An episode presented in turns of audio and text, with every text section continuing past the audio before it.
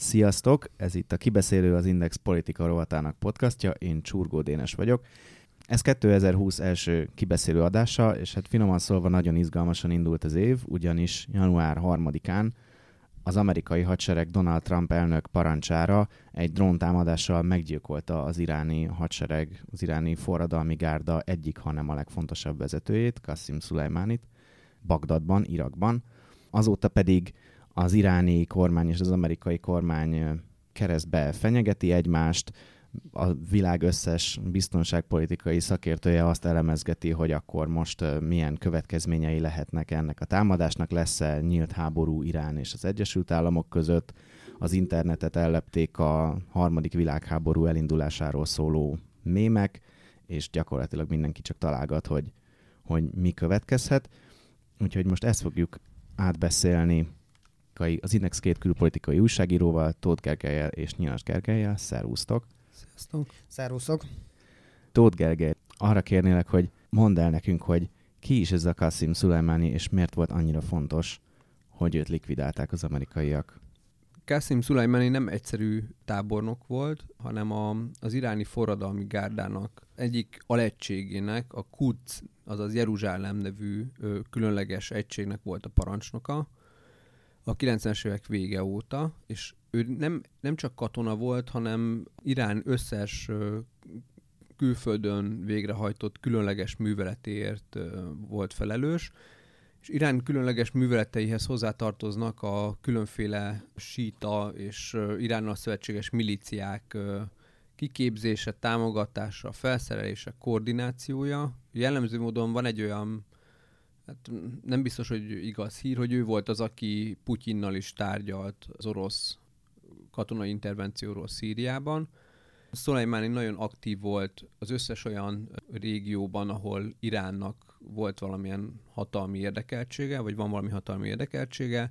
Az ő nevéhez fűződik a, például a libanoni Hezbollah professzionalizálása, akkor Szíriában gyakorlatilag az ő irányításával mentették meg az irániak a, az Assad rezsimet. Ő volt az, aki Pakisztánból, Afganisztánból, Irakból toborzott síta harcosokat, és ezeket átdobta Szíriába, hogy a harmadgyenge szíriai hivatásos hadsereg mellett legyen valami ütőképes szárazföldi erő, ami a a felkelők ellen harcba tud szállni Aleppónál, meg a többi kulcsfontosságú fronton, akkor az ő, ő nem utazott el ugyan Jemenbe, de erőteljesen rajta tartotta a szemét és a, a befolyását a, a jemeni húszi felkerés, felkerésen, és általában az ő nevéhez fűződik az, hogy a húszikat elkezdték felszerelni olyan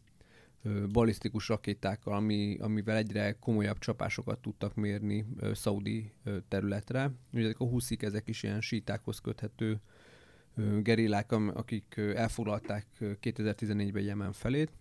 Szóval ő egy, ő egy kulcsfontosságú ember volt. Jellemző egyébként, hogy manapság, amikor igazából a tábornokok nevét nem nagyon szoktuk megjegyezni, mégis az egyik legnagyobb sztár volt. Tehát az ő, ő egy legendás tábornok volt.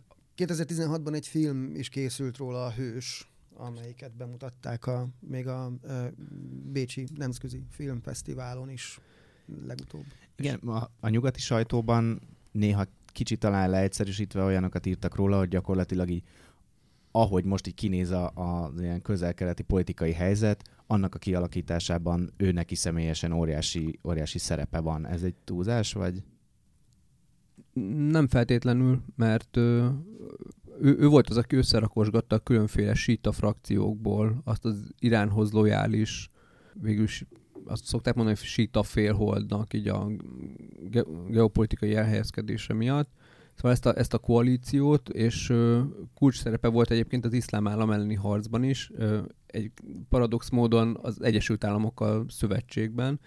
Tehát a, ő volt az, aki Irakban a, az ellenállást megszervezte. Ott is az iraki hadsereg az, az teljesen szétesett a, az iszlám állam csapásai alatt, és ő volt az, aki síta milicistákat szervezett, meg képzett ki, meg szerelt fel. Ez, ez, ez egy kiváló szervező volt. A, a beszámolók azok azt mondják, hogy egy, egy, egy halkszavú, szerény, de ezt a, ezt a csendes csendességét, meg ilyen halkszavúságát, ezt úgy tudatosan, tudatosan fel, ilyen fenyegetőleg is felhasználó figura volt, aki kiválóan beszélt arabul, nagyon jól értett a különféle szövetségeseknek a, a menedzseléséhez, és nagyon sokszor például kiváló tárgyalópartner volt. Tehát most hajlamosak vagyunk őt egy terroristának gondolni, és ez ebben olyan szempontból van igazság, hogy a, általa felügyelt iráni különleges erők emberablásokat, terrortámadásokat, robbantásos merényleteket is végrehajtottak, tényleg borzasztó szenvedésekért tehetők felelősség közvetlenül Szíriában,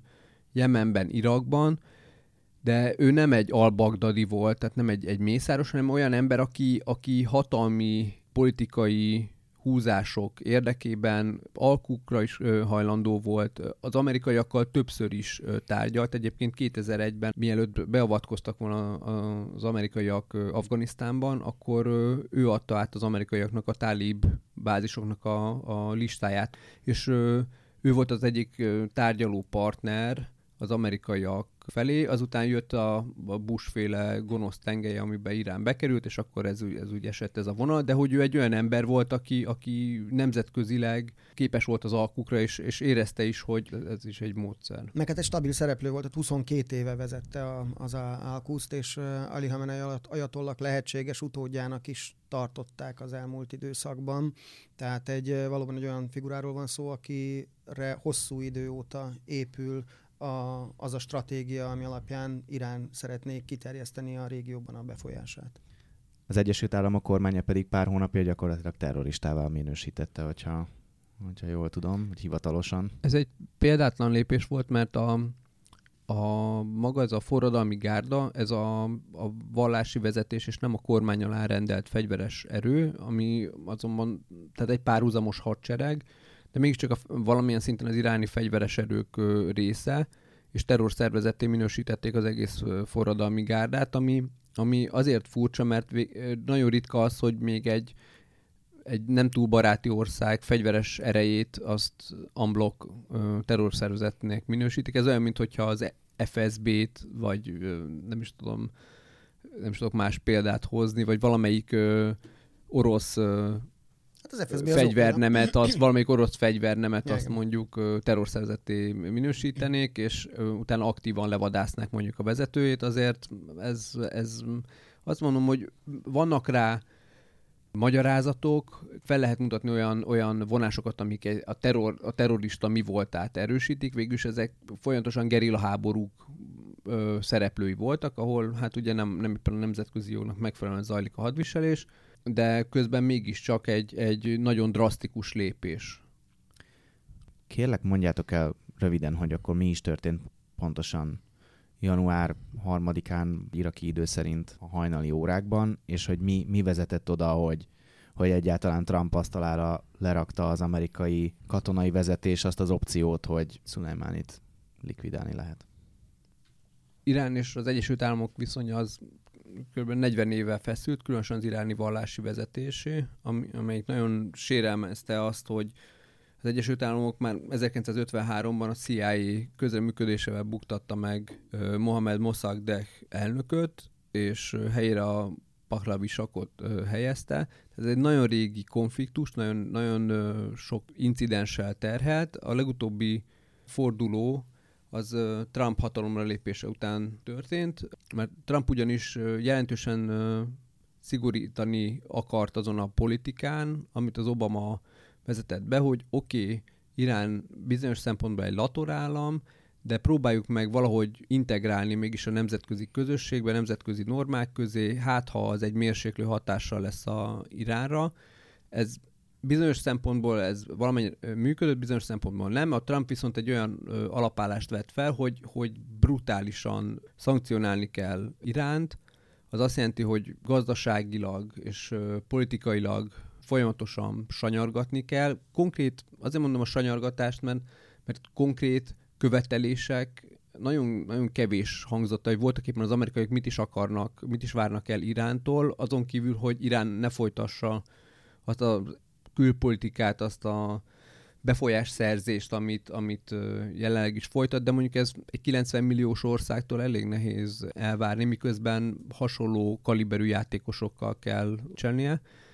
Szóval az a lényeg, hogy 2017 óta sorozatban jönnek a szankciók, 2018-ban a, az Egyesült Államok felmondta az Obama éra alatt kötött iráni nukleáris megállapodást, ami az atomfegyver fejlesztését fagyasztotta be a szankciók feloldása fejében, és azóta sorozatban jönnek az újabb gazdasági szankciók, az, az olajkereskedelem, különféle fém, fémkereskedelmek, mindenféle nyersanyag exportra, meg igazából az élet minden területre, pénzügyi szférára is, és ez több száz milliárd dolláros kárt okozott Iránnak, ahol ö, amúgy is egyre másra robbannak ki a különféle tiltakozó mozgalmak. Ezeket a rezsim egyébként viszont kegyetlenül veri le, tehát ez egy, ez egy elnyomó rezsim, azért ezt szögezzük le.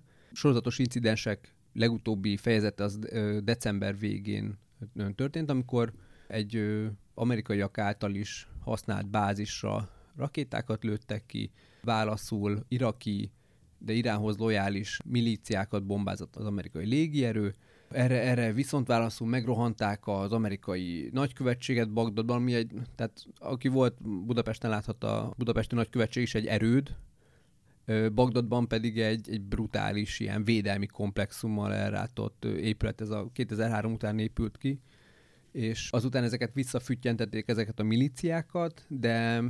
Véletlenül iráni közbeavatkozásra. Tehát ez is mutatta az iráni befolyást már önmagában ez, a, ez az incidens az amerikai bagdadi nagykövetség előtt.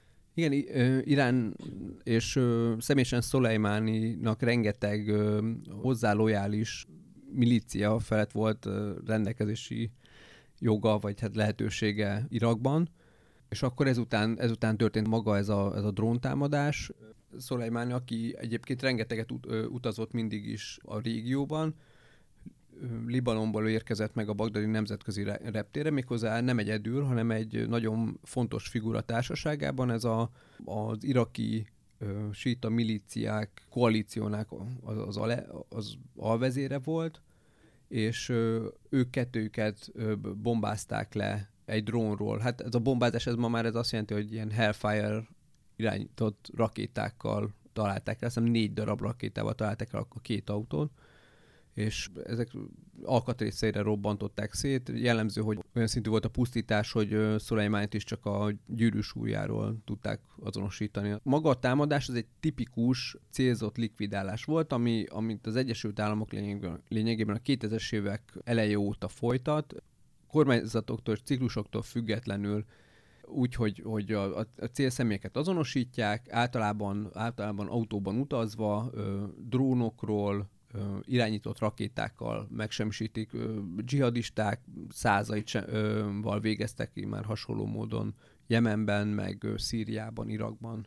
Viszont nagyon sokat lehet arról olvasni, hogy abból a szempontból ez, ez nagyon más támadás volt, hogy hogy ugye Szulajmáni gyakorlatilag egy katonai vezető volt, és éppen ezért igazából az is felmerült, hogy maga ez a támadás, ez se nemzetközi, se amerikai jogi szempontból nem volt legális, mert hogy ő nem egy ilyen terrorista volt, akit, akit így csak így kivégeztek, hanem hogy gyakorlatilag ez egy háborús aktus, amihez a kongresszus hozzájárulása kellett volna. Mivel, mivel indokolja az amerikai kormány azt, hogy ezt, ezt most rögtön meg kellett csinálni? Mennyire tűnik legálisnak? Hát mindenképpen más, mintha Iránnal hivatalosan hadban állna az Egyesült Államok, akkor tulajdonképpen egyszerűbb lenne megmagyarázni. Ha Mike Pompeo, amerikai külügyminiszternek a sajtónak adott válaszára gondolunk, akkor nem sokat tudunk meg arról, hogy valójában mi volt az a fenyegetés, ami miatt az egyetlen lehetőség Szulejmáni likvidálása volt. Bocsánat, mert hogy ugye az, azt mondták, hogy azért kellett most őt kinyírni gyakorlatilag, mert hogy, hogy a közeljövőben valami ilyen, ilyen támadást tervezett épp, de hogy erről nem tudni semmit.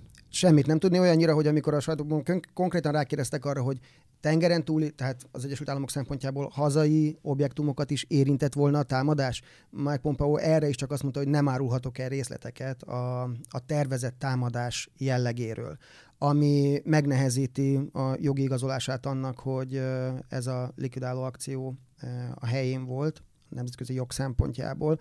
Az ENSZ emberi jogok főbiztosságának szakértője, jelentéstevője, Agnes Kalamár is arról beszélt, hogy nagyon szűk valójában a mozgástere egy országnak, amikor önvédelemre hivatkozva szánja el magát egy ilyen akcióra. Ahhoz, hogy megítélhessük, hogy ez jogszerű volt-e, vagy indokolható volt, ahhoz valójában tudnunk kéne ennek a Szulejmáni által tervezett támadásnak a részleteit. Ez nincsen meg, és nem nagyon sikerült párhuzamot sem találni hasonló akciókra. Voltak olyan elemzések, amelyek olyan párhuzamokat vontak, mint Yamamoto admirális likvidálása 1943-ban, hát ott Japánnal az Egyesült Államok hadban állt. Így ez azért vitatható párhuzam.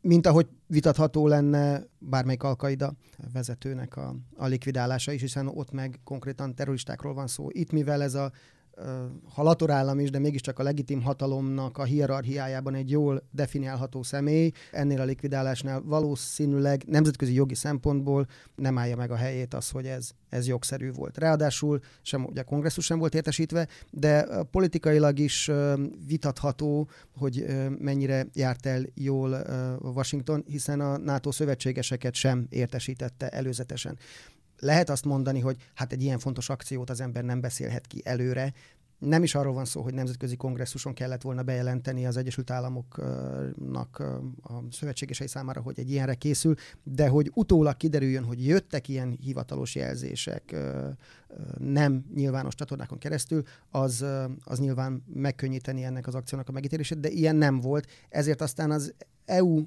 NATO tagjai is kellemetlen helyzetben vannak, mert őket is kész helyzet elé állította az Egyesült Államok, és látjuk is ennek az akciónak a megítéléséből azért sem Franciaország, sem az Egyesült Királyság nem lelkesedik, legfeljebb tudomásul veszi, hogy hát megtörtént az akció. Arról is heves viták zajlanak különböző szakértők között, hogy akkor ez most egy háborús aktus volt, vagy nem. Trump azt mondja, hogy ő nem akar háborút, hogy ő a, a, a béke nevében gyilkoltatta meg Szulajmánit, és nem, nem háborút akar indítani. Ehhez képest viszont ugye az iráni kormány és, és Trump gyakorlatilag így üzengetnek egymásnak folyamatosan, hogy Irán hogy fog bosszút állni, hogyha Irán bosszút áll, akkor uh, írta Trump, akkor hogy fog uh, 52 célpontot kiiktatni Iránban, köztük uh, ilyen különböző kulturális komplexumokat, ami gyakorlatilag egy háborús bűnnek számít. Szóval, hogy megy, megy oda-vissza egy ilyen nemzetközi szájkarate, de hogy uh, nagy kérdés, amitől most mindenki tart, hogy lehet-e egy háború az Egyesült Államok és Irán között, olyan, mint amilyen az Egyesült Államok és Irak között volt, vagy valami másba kulminál majd ez a, ez a konfliktus. Én nem tartom valószínűleg, hogy nyílt háború ö, fog kitörni. Ö, egyfelől azért nem, mert a, ha reguláris hadseregeket nézzük, akkor, akkor olyan hátrányban van Irán, hogy nem tudja, nem kockáztathatja meg, vagy egyszerűen semmi értelme nincs belebocsátkoznia egy, egy, egy klasszikus háborúba. Egyébként közvetlenül az Egyesült Államok ellen csak mondjuk iraki bázisok támadásával tudna, tehát a csapás mellett. De a hadserege bár mondjuk nagyjából félmilliósra tehető, több kulcs területen is elképesztő nagy technológiai hátrányban van, és egész egyszerűen három-négy évtizeddel van lemaradva az Egyesült Államoktól. Bizonyos részeken mondjuk például a kiberhadviselés, vagy pedig balisztikus rakéták ott nem, de egyszerűen nem, lá- nem látom annak esélyét, hogy Irán mondjuk egy légi csapást intéz valamelyik iraki bázis ellen, megöl mondjuk pár száz amerikai katonát, és utána bevállalja azt, hogy, hogy, az, hogy, hogy az amerikaiak, bár egyébként biztos, hogy amerikai veszteségek árán, de, de leradíroznak több ezer, vagy iráni katonát. És az háború lenne már. Az, az háború lenne, de, de ez nem, ez, ez, ennek, semmi, ennek nem lenne értelme az iráni vezetés részéről sem, mert nem érnének el olyan sikereket, egy eleve, eleve csőd szélén billegő ö, állam nem engedheti meg ezt magának. ha nem nyílt háborúba, akkor, akkor mibe vezethet. Ugye arról szól a legtöbb találgatás, hogy ugye Irán, az iráni kormány bosszút esküdött, és, és, és fenyeget, hogy, hogy itt bizony e, ezt, ezt nem lehetett, hogy, hogy dolgokat lehet csinálni, de azt, hogy, a, hogy az egyik ilyen legendás tábornokunkat kinyírjátok, azt nem lehet, hogy valami válaszcsapás várható, de akkor milyen opciók vannak Irán kezében, ami nem, ami nem a, a, egy ilyen egy nyílt háborúnak a bevállalása? Hát azért ugye a hadsereg valóban több évtizedes elmaradással van az Egyesült Államok haderejéhez képest, de a beágyazottsága a térségben, van a síta kisebbségek révén, meg Szulejmáni bő 22 éves tevékenysége révén azért nagy. Így viszonylag kis költséggel, hatékonyan, öngyilkos merényletekkel, terrorakciókkal a térségben azért tud bizonytalanságot kelteni. Elsősorban Irakban, Szíriában, Libanonban, ami azért válasz lehet mert alapvetően Irán célja most az, hogy csökkentse az amerikai jelenlétet a régióban, elérje azt, hogy például Irakból, úgy ahogy van, kivonuljanak az amerikaiak. Ezt tulajdonképpen a Szulejmáni elleni likvidáló akció az, az már, már el is indította ezt a folyamatot, hiszen az iraki parlament kezdeményezte az amerikai erők mielőbbi kivonását. Igaz, hogy ez egy nem kötelező érvényű határozat, de mégiscsak egy új helyzet ahhoz képest, ami korábban volt a NATO emiatt, illetve nem sokkal korábban, de már ezt sejtve felfüggesztette az iraki haderőnek a kiképzését, és leállítottak több terrorellenes akciót is a nemzetközi erők Irakban. Én azt tenném hozzá, hogyha, hogyha pusztán a nyilatkozatokat, vagy a temetés külsőségeit, vagy, vagy általában a, különféle síta szervezetek felől érkező reakciókat nézzük, akkor lényegében évtizedek óta ez a háború ez már folyik, mert ugye a Egyesült Államok meg Izrael a nagy sátán, akkor a, az állandó állandó kántálások, a halál Amerikára, meg ilyesmi, ez egy dolog, meg hogy, hogy, hogy ott mit mondanak, de az iráni politika mindig is egy nagyon-nagyon kalkulált hatalmi érdekeket előtt, előtérbe helyező azok, és a, a hatalmi realitásokkal mindig számoló politika volt. Egyébként maga Szulejmán is ennek a képviselője, aki, aki belátta, hogy az iráni erőforrások nem elegendőek a, ahhoz, hogy offenzívákat indítsanak az iráni hadsereg bevetésével, hanem, hanem irreguláris harcmodort kell fejleszteni. Ott kell támadni, ahol, ahol ö, káosz van, vagy, vagy különféle instabil helyzetek, konfliktusok, belső széthúzás van. Tehát ez, az irániak nagy, nagyon profik, tehát lehet, hogy technológiailag, erőforrások tekintetében messze elmaradnak a lehetőségeik Amerikához, illetve tegyük hozzá Amerika szövetségeseihez, a szaudiakhoz, vagy, vagy az arab emírségekhez, vagy pláne Izraelhez képest, de ha mondjuk például a szaudi hadsereg harci képességeit nézzük, akkor az irániak azok messze jobbak, például a szaudiaknál. Tehát azért ezt, ezt figyelembe kell venni. A másik pedig az, hogy lehet azt mondani, hogy akkor, ha nem reguláris háború lesz, akkor mondjuk terrortámadásokkal akarnak operálni. Csak hogy egy terrortámadást az Egyesült Államok ugyanúgy egy harci cselekményként fog értelmezni, és itt jön be az, hogy, hogy Irán hogy fog végrehajtani megtorlást, úgy, hogy ne lehessen azt hozzá kötni, vagy minél kevésbé, minél áttételesebben lehessen hozzá kötni, és Miközben nehéz... azt akarja, hogy látszódjon, hiszen válasznak hát, szánja. Igen, ez, ez, egy, ez egy különös, ez egy különös ö, egyensúlyozás, hogy, hogy oda kell csapni az amerikaiaknak, és meg kell mutatni nekik, hogy, hogy nem lehet nem lehet bármit megtenni, de közben úgy kell ezt csinálni, hogy közben ne, úgy tűnjön, mintha ne, nem ez semmi közünk. Egyébként Irán ebben elég jó, mert a mai napig nem derült ki például, amikor ráküldtek 20 drónt, meg cirkáló rakétát a legnagyobb szaudi olajfinomítóra szeptemberben, és két hétre kiütötték az a, a, a szaudi olajtermelés ö, nagy részét, akkor mondták, igen, igen, ezek az irániak voltak, igen, biztos, hogy az irániak voltak, de az mai napig nem derült ki, hogy ezek valóban az irániak voltak, pedig itt megmaradtak a tölteteknek a nyomai, meg, meg rengeteg közvetett bizonyíték kellene, hogy legyen, de a mai napig nem sikerült egyértelműen felelőssé tenni Teheránt ebben a csapásban. Tehát az irániak profik ebben, hogy hogyan kell úgy csapást mérni, hogy nem, ne lehessen azt hozzájuk kötni. Vagy ehhez kapcsolódóan ja, arról is szoktak írni, hogy az egyik ilyen opció Irán kezében az az lehet, hogy valahogy így a Perzsa öböl kontrollálásával gyakorlatilag a világolaj ellátását valahogy szabotálja. Ez mennyire mennyire egy ilyen reális stratégia, és mennyire, mennyire érintheti így a, az olajpiacot ez az egész ez az egész konfliktus. Ugye az olaj árak azok, azok akik kilőttek az égbe a Szulajmáni ellen elkövetett támadás után, de hogy ugye ez még csak egy ilyen spekulatív hatás, de mi lehet még? Hát ez nem olyan hatékony eszköz most már, mivel nem annyira kizárólagosan erre a területre koncentrálódik a, az olaj felszínre hozatala, és nem innen megy kizárólagosan az olaj exportja. Egyrészt az Egyesült Államok is megjelent már jó néhány éve az energiahordozók exportpiacán, másrészt azért ott van Oroszország is. Szaudarábiának is megvan a lehetősége, hogy más útvonalon eljuttassa a kőolajat. Így azt hiszem 25% a, a, a világtermelésének, ami a Perzsa öbölből jön. Ennek a teljes felszámolása természetesen azért érvágás lenne, de, de messze nem bénítaná meg annyira a gazdaságot, mint amennyire ellehetetleníteni végül, végül iránt, mert hogy sokkal jobban elszigetelné, és nyilvánvalóan a nyomás csak nőne Iránra nézve. Tehát ez tulajdonképpen ugyanaz a határeset a háborúnál, amit valószínűleg Irán nem kockáztatna meg.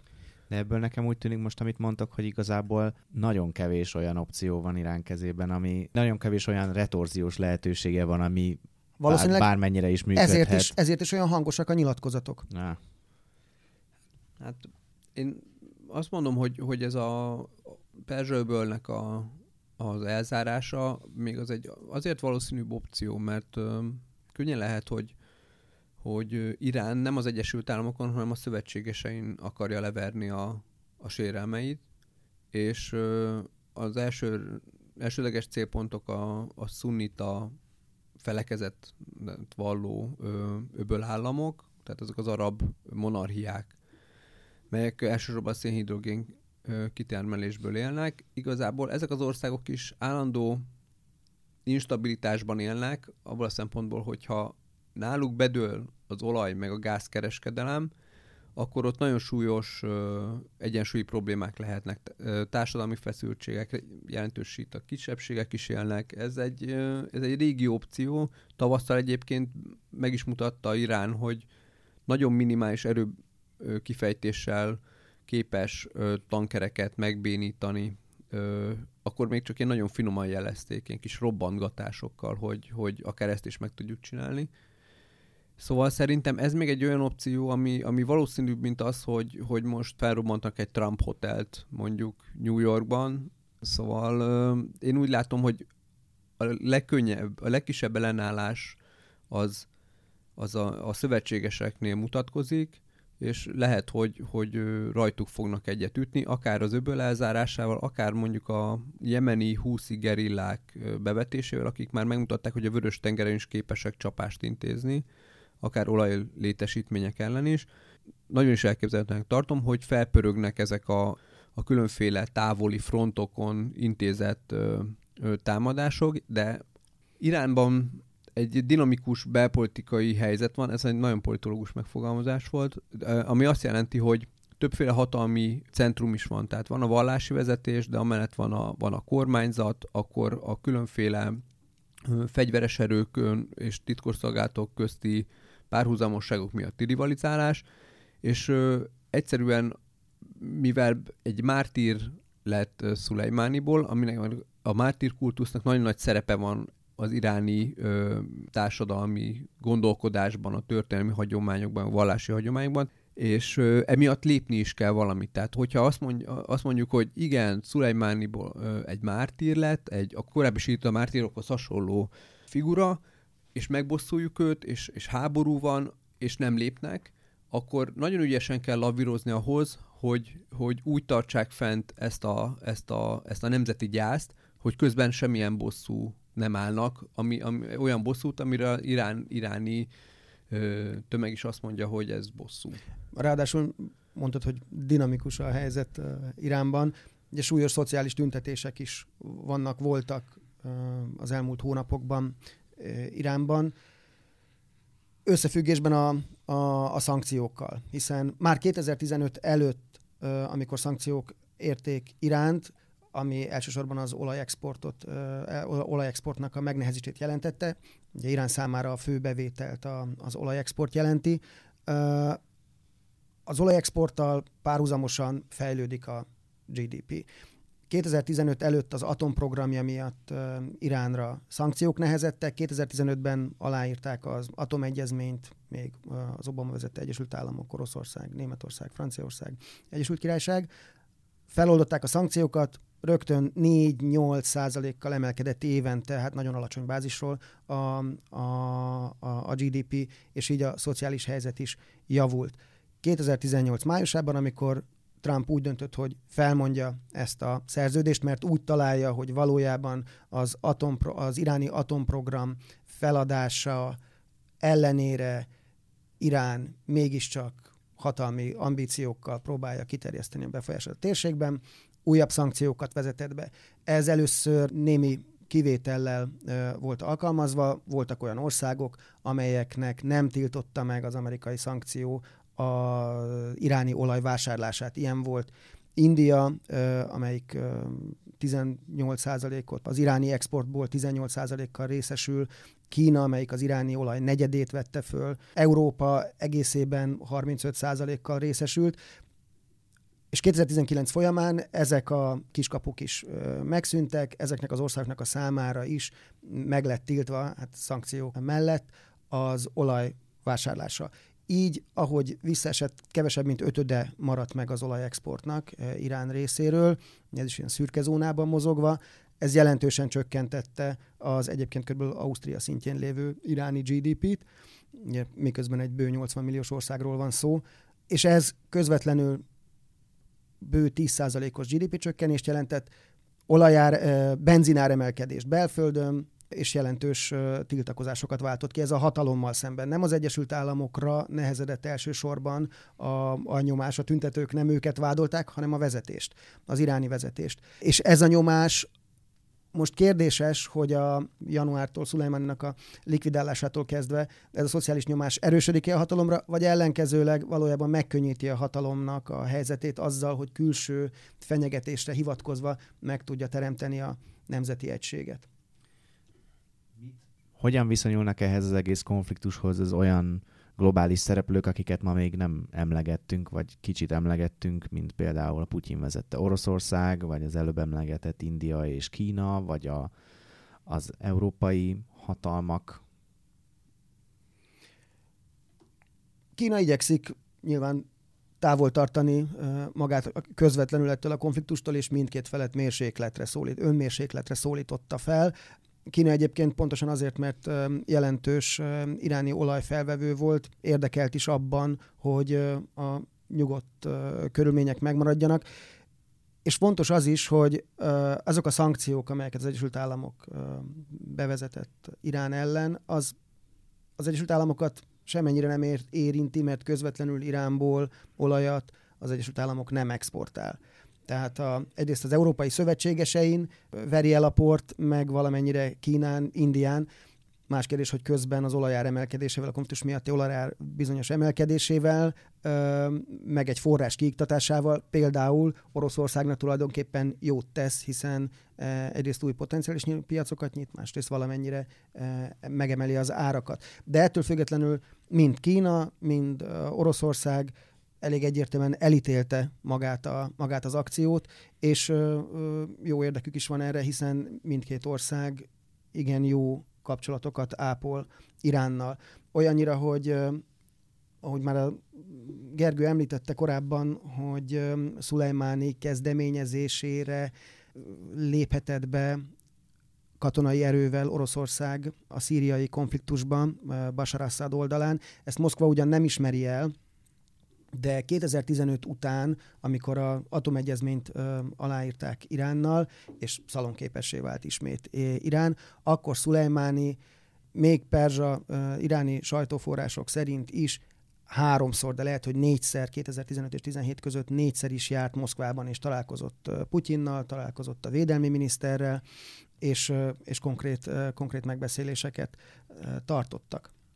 Emellett pedig, emellett pedig van együttműködés az olajterületén is. Olaj, Oroszország ugyan olajexportőr, de Indiában vannak finomító érdekeltségei, és vásárolt fel korábban jelentős mennyiségben iráni olajat, amit az indiai finomítókba szállított mert hogy egy, egyrészt egyszerűbb logisztikailag eljuttatni, másrészt ez megint csak a, a partneri kapcsolatok erősítésére szolgált. Vannak haditechnikai együttműködésről szóló egyezmények is, és uh, éppen most decemberben még, tehát a Szulajmáni likvidálása előtt nem sokkal jelentette be Oroszország, megállapodva az iráni energetikai miniszterrel, hogy 5 milliárd dolláros uh, infrastruktúrális fejlesztésbe kezdenek Iránban. Erről már az elmúlt években volt szó, de az, hogy most konkrétan ennek a megvalósítását decemberben bejelentették, ez nem véletlenül volt így időzítve. Oroszország ezzel is jelezni akarta, hogy neki vannak érdekei a térségben, és egyébként még azt is mondhatom, hogy, hogy ilyen szempontból Moszkvának nem jön rosszul ez a e, Irán és e, az Egyesült Államok közötti konfliktus, mert ez még jobban rákényszeríti Iránt arra, hogy, e, hogy együttműködjön Oroszországgal, egyszerűbbé válik tulajdonképpen az érdekeinek az érvényesítése Oroszországnak Iránban. És ugye nem csak a globális politikára, de az amerikai belpolitikára is nagy hatással lehet ennek, a, ennek az akciónak. Ugye cinikus hangok rögtön azt kezdték el emlegetni, hogy, hogy Trump valószínűleg azért kezdett keménykedni Iránban, mert hogy Amerikában rengeteg ilyen belpolitikai botrány van, ugye zajlik az impeachment eljárás, mindjárt itt vannak a választások, és ugye most előkerült egy videó Trumpról, ahogy arról beszél még 2011-ben, hogy Obama elnök háborút akar indítani Irán ellen, mert hogy érzi, hogy el fogja veszteni a következő választást, és ez ebben a kontextusban így különösen hát furcsán hangzik. Milyen hatásai lehetnek a belpolitikában ennek a, ennek a konfliktusnak, vagy ennek a támadásnak? Trumpnak belpolitikai is talált volt ez, a, ez az akció, ugyanis egy olyan embert likvidált, akivel kapcsolatban mindenkinek állást kell foglalnia. És ilyenkor az állásfoglalás az például a demokrata elnökjelöltek részéről az, az úgy hangzik, hogy jó, igen, ez az ember, ember ez egy, ez egy gonosz volt, vagy, vagy valóban az általunk is elítélt Irán, Irán egyik kulcsfigurája, de pont, pont, pont. És akkor ott jön az, hogy a háborútól való félelem, meg a, a konfliktus eszkalációjától való félelem, hogy amerikai katonák életét teszi kockára Trump, de maga az üzenet az egyszerű. A Trump likvidált egy rossz fiút, ugye, mint az al-Baghdadit ebbe, ebbe a sorba illeszti be. Ráadásul a Trump azzal büszkélkedik, hogy, hogy miközben korábbi kormányzatok pont az Iránnal való konfliktus ö, eszkalációjának elkerülése miatt inkább lefújták a Szulejmáni likvidálására tett kísérleteket, mivel a CIA volt olyan, hogy a Mossaddal együttműködésben oda tette a, a, például a, a ifjabbik Bush elé a, a javaslatot, hogy igen, azt hiszem Damaszkuszban megvan a lehetőségünk arra, hogy likvidáljuk a Szulajmánit, elnök úr aláírja, és akkor az elnök a nemzetbiztonsági kabinettel egyeztetve végül is úgy döntött, hogy nem, de a Trump az az arc, aki nem, nem kell belelátni túl sokat, itt egy, itt egy bad guy, kinyírtam, én ezt megtettem, korábbi puha pöcső elnökök nem csinálták ezt meg, és, és kész. Ennyi, ennyi, igazából ennyit érdemes belelátni, persze. Ez, és ezért, ez, is ez fontos... jól, hogy, ezért is jön, hogy 2017 óta tartják terroristaként számon, és ez jön még hozzá, hogy 2007 óta, tehát bő 12 éve van egy ENSZ határozat, amely utazási tilalmat ír elő több iráni ö, vezető számára, többek között Szulejmáni számára, tehát nem hagyhatná el Iránt. Ki Moszkva ezért is tagadta azt, amikor látogatott Moszkvába és találkozott volna Putyinnal. És az összes útja Libanonba, Szíriába, ez valójában egy ENSZ határozat megsértése. Nem mondom, hogy arányos ilyenkor a likvidálás, de ez is egy érv az Egyesült Államok és Trump számára, hogy miért kellett őt Igen, meg, ez egy pofon, ez, meg, meg hogyha azt nézzük, hogy 2020-ban választás lesz, akkor ez egy pofon egyszerű üzenet. Tehát én egy, én, egy, én egy terroristát, én a terroristákat, azokat kinyírom, őket nem, nem próbálok velük finomkodni, és kész. Még függetlenül attól, hogy milyen komplex háttere van magának a Szulejmáninak, meg ennek az egész sztorinak. A, annyi az, ami, az, ami ö, probléma lehet, vagy ellenmondás lehet Trump számára, aki amúgy magasolt ezt az ilyen ellenmondásokra, hogy a Trump mindig is a nemzetközi beavatkozás kritikusa volt, egyébként szakítva hosszú-hosszú republikánus párti hagyományjal, mindig is azt gondolta, hogy az amerikai, vagy azt mondta, hogy az amerikai katonákat ki kell vonni ezekből a konfliktusokból, amik nagyon sok pénzbe kerülnek, életek, amerikai életekkel fizetnek ilyen shithole country a belpolitikai problémáira, és és könnyen lehet, és ott, ott lehet itt bukó, hogyha az Egyesült Államok most belesodródik egy olyan konfliktusba, ami, amiben jelentős amerikai haderőket kell mozgósítani a közelkeleten. Egyébként ez már, már folyik, mert ugye eleve Irakban 5000 katona állomásozik, akik mondjuk 2014 óta fokozatosan töltöttek fel, de például most 750 ember tengerészgyalogost kellett vezényelni a bagdadi nagykövetség védelmére. Ki tudja, hogy ha esetleg mondjuk egy ilyen, ilyen zombi inváziószerű, ilyen nem tudom, akció történik a, a bagdadi nagykövetségen, hogy esetleg lesz egy ilyen Bengázihoz hasonló katasztrófa, valószínűleg nem, de hogyha mondjuk egy ilyen lesz, az iszonyatosan kellemetlen lesz a Trump számára. Ugyanúgy, hogyha mondjuk a, az öbölbe vezényelnek egy több ezer katonát, mint ahogy ez, ez is megtörtént már tavasszal, és esetleg újabb csapaterősítések lesznek, ha valahol felrobbantanak mondjuk 201 néhány amerikai katonát. És mindezt úgy, hogy közben az iraki kormány kezdeményezi az amerikai erők kivonását Irakból. Tehát az a, az a háttér, meg az a, a helyi vezetés mindenkori támogatása, az most nincsen meg, ami nyilvánvalóan megnehezíti majd ezeknek az esetlegesen megnövelendő erőknek a mozgását a térségben. Tehát a, a, a Trump önmagában egy, egy nagyon nagyot húzott ezzel az akcióval, mert valóban, tehát ő egyfelől a címlapra került, tehát megint maga pusztán az, hogy ő, hogy ő mit tett, egy nagyon egyszerűen megfogalmazható cselekedetet hajtott végre, ami az ő nevéhez fűződik, ez tényleg történelmi, viszont nagy kockázatot vállalt azzal, hogy teljesen bebukhat az a törekvése, ami egyébként eddig se egészen működött, hogy az amerikai, a külföldi amerikai szerepvállalást azt, azt minél inkább visszafogja, és minél kevesebb amerikai katonát kössön le olyan konfliktusokba, amik kiemelten kockázatosak, és az Egyesült Államok számára közvetlen nyerességgel nem bírnak. Meg hát az is a, a kérdés, hogy ugye Szaudarábiával sem mindig felhőtlen a, a, a, a viszonya, és ezzel a, ezzel a konfliktussal lényegében, tehát Szaudarábia mellett van az Egyesült Államok, Izraelt is egy, egy platformra hozta, ami egy viszonylag, viszonylag szokatlan szövetség, de mondom mindezt úgy, hogy valójában nem felhőtlen a viszonya Szaudarábiával sem, tehát nem vagyok benne biztos, hogy az a külpolitika töve, törekvés, amit, amit valójában el akar érni, azt ezzel a likvidálással el fogja érni, és nem teremt sokkal nagyobb bizonytalanságot. A külpolitikában Trump az rendkívül befolyásolható, tehát az izraeli és szaudi lobby érdekeknek eléggé ki. Tehát az, ha látjuk azt, hogy például az Izraelnek tett, Netanyahu-nak tett gesztusait, vesszük, vagy pedig azt, hogy például a, a Hasoggi gyilkosság után ő teljes messzélséggel kiállt a, a Mohamed bin Salman herceg mellett, közben ha azt mondom, hogy van egy terrorista, akit lehetne likvidálni, azért a Mohamed bin Salman herceg, aki mondjuk egy ö, csontvágó fűrészsel küldte el a kommandóját, hogy feldaraboljanak egy embert az isztambuli nagykövetségen, azért mondjuk, a, na mindegy.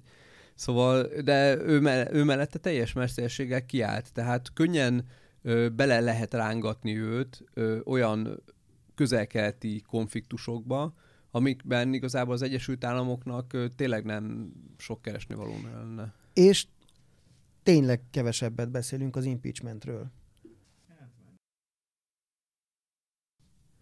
Köszönöm szépen, Gergő és Gergő, hogy, hogy ezt kibeszéltétek velünk. Azért látszik, hogy még mindig nagyon sok a, a nyitott kérdés, úgyhogy Gondolom még, még mind a ketten fogtok erről írni, meg talán még beszélgetünk is majd egy következő adásban erről. és nektek hallgatók pedig azt javasoljuk, hogy olvassátok majd a Gergők cikkeit, és hallgassátok a podcastjainkat. Sziasztok! Sziasztok! Sziasztok! A műsor a Béton partnere.